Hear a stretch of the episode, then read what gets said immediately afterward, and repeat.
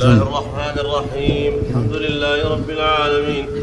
صلى الله وسلم وبارك على أشرف الأنبياء والمرسلين نبينا محمد وعلى آله وصحبه أجمعين. أما بعد قال المصنف رحمه الله تعالى كتاب الزكاة باب ما تجب فيه الزكاة. قال وحدثني عن مالك عن عمرو بن يحيى المازني عن أبيه أنه قال سمعت أبا سعيد الخدري يقول قال رسول الله صلى الله عليه وسلم ليس فيما دون خمس ذود صدقة وليس فيما دون خمس أواق صدقة وليس فيما دون خمسة أوسق صدقة. قال وحدثني عن مالك عن محمد بن عبد الله بن عبد الرحمن بن أبي صعصعة الأنصاري ثم المازني عن أبيه عن أبي سعيد الخدري رضي الله عنه أن رسول الله صلى الله عليه وسلم قال ليس فيما دون خمسة أوسق من التمر صدقة وليس فيما دون خمس أواق من الورق صدقة وليس فيما دون خمس ذود من الإبل صدقة. قال وحدثني عن مالك أنه بلغه أنه بلغه أن عمر بن عبد العزيز كتب إلى عامله على دمشق في الصدقة إنما الصدقة في الحرث والعين والماشية قال مالك ولا تكون الصدقة إلا في ثلاثة أشياء في الحرث والعين والماشية وهذا جاءت في السنة العين الذهب والفضة والماشية الإبل والبقر والغنم والحرث الزروع الثمار. فلا بد أن يكون الحاصل خمسة أوسق من التمر والحبوب والوس ستون صاعا بصاع النبي صلى الله عليه وسلم. والإبل لا تجب فيها الزكاة إلا إذا بلغت خمسا إذا كانت للرعي والسوم خمس من الإبل فأكثر. ما دون خمس لا زكاة فيه إذا كان للسوم والرعي. أما إذا كانت للبيع والشراء هذه يكون عرض تجارة ولو واحدة. والغنم لا بد أن تكون أربعين فأكثر إذا كانت للسوم والرعي. أما إذا كان للبيع والشراء فهي عرض ولو قليل يزكى. أما أما الحبوب والثمار فلا بد من خمسة أوسق فأكثر والإب وأما الذهب والفضة فلا بد يكون مئة الفضة مئتين درهم. بدرهم النبي صلى الله عليه وسلم. يعني مقدار ذلك ستة وخمسون بريال الفضة السعودي. نعم. الوقية أربعون. يعني مئتي درهم. نعم. نعم. العروض معروفة من أدلة أخرى. نعم. نعم. شيخ بارك الله فيك. أحسن الله إليك. ثمرة العام التي تحمل مرتين هل تضم في النصاب؟ نعم. التي تحمل في الع... التي لا يكون النصاب إلا بحملها مرتين في السنة الواحدة في الصيف والشتاء. نصف نصاب في الصيف ونصف نصاب في الشتاء. الأقرب والله أعلم أنه يضم بعضها إلى بعض. الأقرب أنه يضم بعضها إلى بعض. نعم. باب الزكاة في العين من الذهب والورق. قال وحدثني يحيى عن مالك عن محمد بن عقبة مولى الزبير أنه سأل القاسم بن محمد عن مكاتب له فأقطعه بمال عظيم. هل عليه فيه زكاة؟ فقال القاسم إن أبا بكر الصديق. حدثنا. قال وحدثني يحيى عن مالك عن محمد بن عقبة مولى الزبير أنه سأل القاسم بن محمد عن مكاتب له فأقطعه بمال عظيم. إيش؟ فأقطعه. عندنا قاطعه. وش بعده؟ فأقطعه بمال عظيم. هل عليه فيه زكاة؟ فقال القاسم إن أبا بكر الصديق لم يكن يأخذ من مال زكاة لم يكن يأخذ من مال زكاة حتى يحول عليه الحول. قال القاسم بن محمد وكان أبو بكر إذا أعطى الناس أعطياتهم يسأل الرجل هل عندك من مال وجبت عليك فيه الزكاة.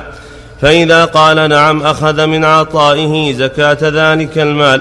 وإن قال لا أسلم إليه عطاءه ولم يأخذ منه شيئا. إيش قال الشارع على فأقطعه. قال أبو معمر معنى معنى مقاطعة المكاتب أخذ مال معجل منه دون ما كتب عليه ليعجل عتقه. إيش؟ قال أبو عمر معنى مقاطعة المكاتب. هذا يدل أنها قاطعه لبيك. هذا يدل أنها قاطعة. يعني أقطعه اللي النسخة اللي عنده مقاطعه أحسن. صحح يعني اتفق معه على شيء معلوم. هذا معنى قاطعه. قاطع. مثل ما قال قاطع العامل بكذا وقاطع التاجر بكذا. يعني اتفق معه على كذا وكذا. أما أقطعه أعطاه. ما, ما تناسب المقام. قاطعه نعم الصواب قاطعه. ها؟ قاطعه نعم. إيش؟ قال وحدثني عن مالك عن قال عمر الشارع. قال قال أبو عمر. قال أبو عمر معنى مقاطعة المكاتب أخذ مال معجل منه دون ما كتب عليه ليعجل عتقه. بس فقط. أقرأ المتن. أعود المتن. أي نعم. قال حدثني يحيى عن مالك عن محمد بن عقبة مولى الزبير أنه سأل القاسم بن محمد عن مكاتب له قاطعه بمال عظيم.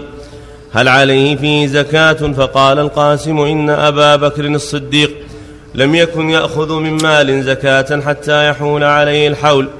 قال القاسم بن محمد وكان أبو بكر إذا أعطى الناس أعطياتهم يسأل الرجل هل عندك من مال وجبت عليك فيه الزكاة؟ فإذا قال نعم أخذ من عطائه زكاة ذلك المال. وإن قال لا أسلم إليه عطاءه ولم يأخذ منه شيئا. وهكذا العبد إذا قاطع على شيء ما يكون في زكاة. إذا قال العبد أعطني كذا وكذا من كسبه وأنت حر ما فيه زكاة حتى يحول عليه الحول. فإذا كان العبد كسب مالا وأعطاه واتفق معه على ألفين ألف ثلاثة عشرة عشرين واعتقه على ذلك فلا ما يكون فيه زكاة إلا حتى يحول عليه الحول. نعم. أحسن الله إخراج الزكاة ما يحتاج إلى نية؟ نعم. إخراج الزكاة لابد من النية. إنما الأعمال بالنيات. إذا تصدق بمال ولا نواه الزكاة ما يكون زكاة إلا بنية. وأخ- وأخذ أبو بكر نعم. أبو بكر يأخذ من عطائه بموافقتهم يعني. بموافقتهم. وافقوا على أن هذا للزكاة. نعم. صلى الله نعم. إليك. المحلات كيف؟ المحلات التجارية. إذا كان فيها بضاعة دين في ذمة صاحب المحل. مثلا نصف البضاعة دين ونصف البضاعة يملكه. ثم جاء وقت الزكاة. هل يزكي ما كان؟ قي- قيمتها. أحسن الله إليك. زكي القيمة الموجودة. يز- قيمة البضاعة الموجودة. أحسن الله إليك. يزكي قيمة البضاعة ال- ال- الموجودة عنده إذا حال الحول على أصلها. ولو كانت في ذمته دين؟ نعم. يعني البضاعة قسمين قسم يملكه وقسم إذا حال الحول عليها بعدما شرها وهي للتجارة. إذا زك إذا حال عليها الحول يزكيها. لكن أحسن الله إليك إذا كانت بضاعته قسمين. قسم يملكه وقسم دين في ذمته ما دفع قيمته. ولا يزكي الموجود لأنها عروض تجارة. يزكيها حسب قيمتها عند إخراج الزكاة عند تمام الحول. نعم.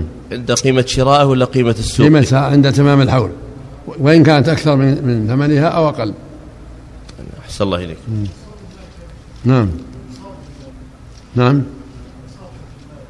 نعم. نعم.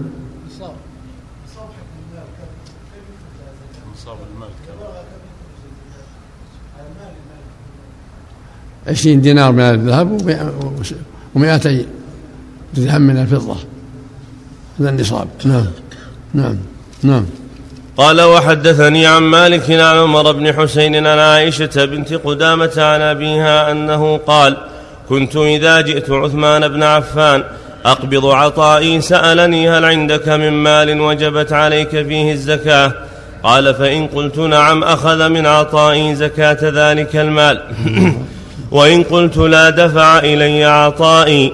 قال وحدثني عن مالك عن نافع أن عبد الله بن عمر رضي الله عنهما كان يقول لا تجب في مال زكاة حتى يحول عليه الحول. قال وحدثني عن مالك عن ابن شهاب أنه قال أول من أخذ من الأعطية الزكاة معاوية بن أبي سفيان. قال مالك السنة التي لا اختلاف فيها عندنا. أن الزكاة تجب في عشرين دينارا عينا كما تجب في مائتي درهم.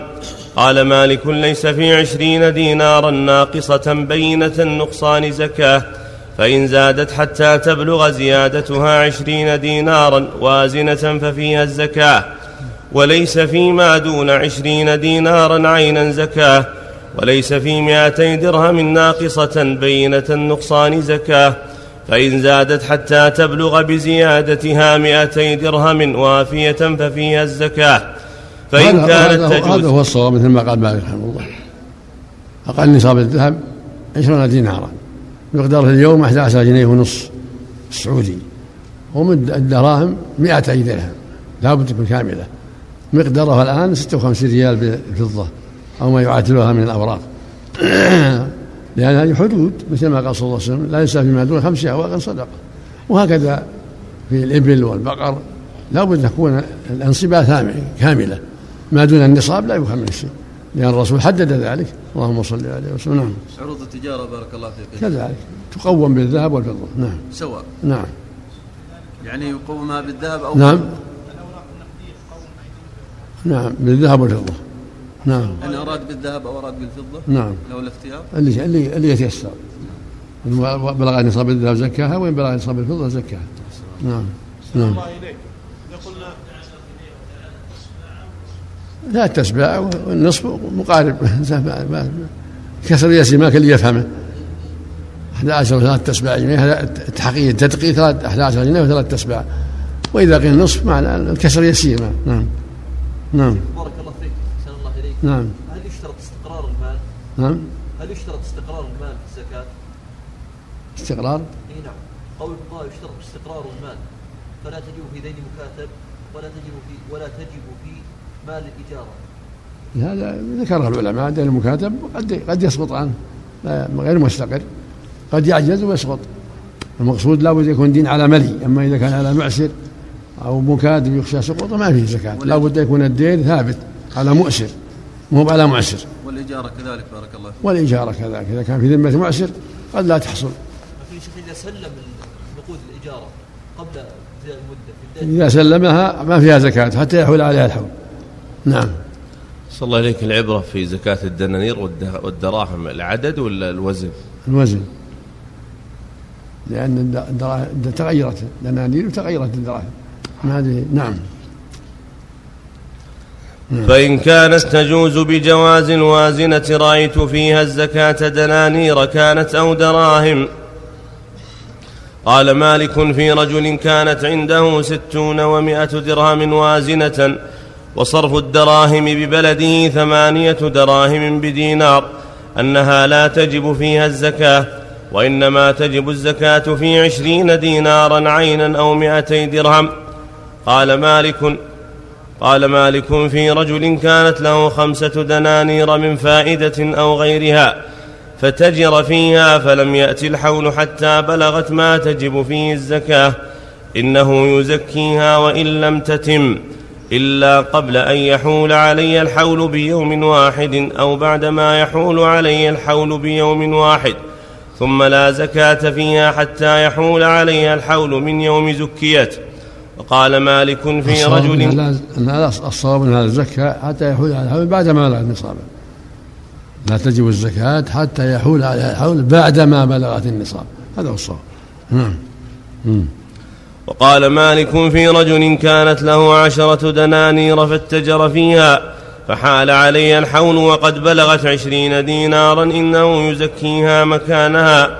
ولا ينتظر بها أن يحول عليها الحول من يوم بلغت ما تجب فيه الزكاة. وهذا ضعيف كلام مالك في هذا ضعيف رحمه الله. ما تجب الزكاة إلا بعد ما يحول الحول بعد ما بلغت النصاب. نعم.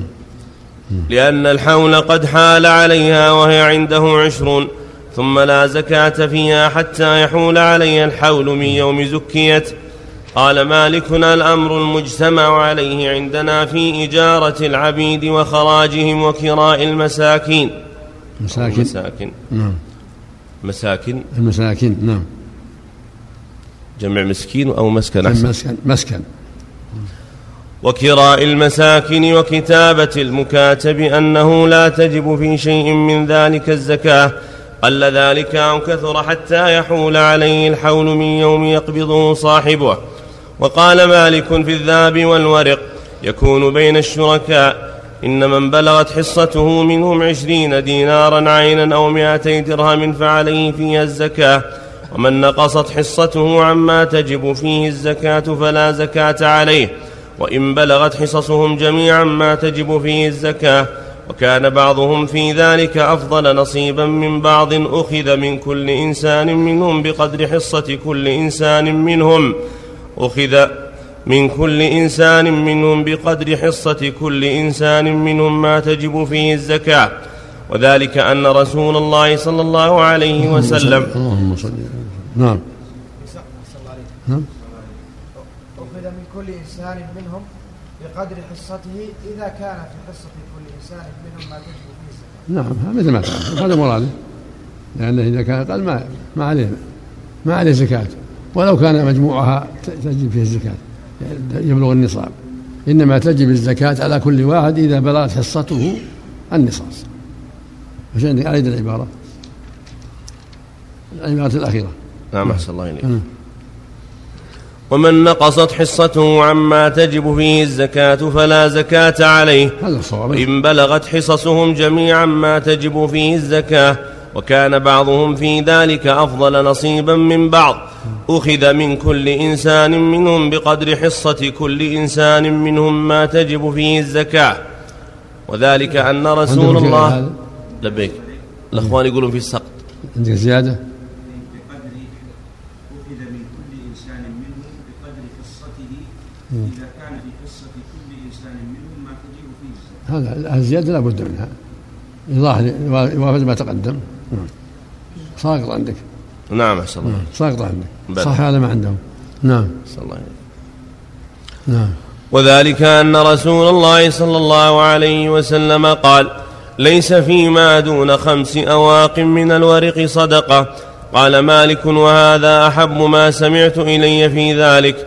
قال مالك وإذا كانت لرجل ذهب وإذا كانت لرجل ذهب أو ورق متفرقة بأيدي أناس شتى. كيف على هذا سم نعم. بقي سطر على نهاية الباب. نعم نعم. قال مالك وإذا كانت لرجل ذهب أو ورق متفرقة بأيدي أناس شتى فإنه ينبغي له أن يحصيها جميعا ثم يخرج ما وجب عليه من زكاتها كلها. قال مالك ومن أفاد ذهبا أو ورقا إنه لا زكاة عليه فيها حتى يحول عليها الحول من يوم أفادها. نعم. كله طيب. بعده. الله إليك. بعده. الزكاة في المعادن. بارك الله فيك. استفاد يعني استفاد.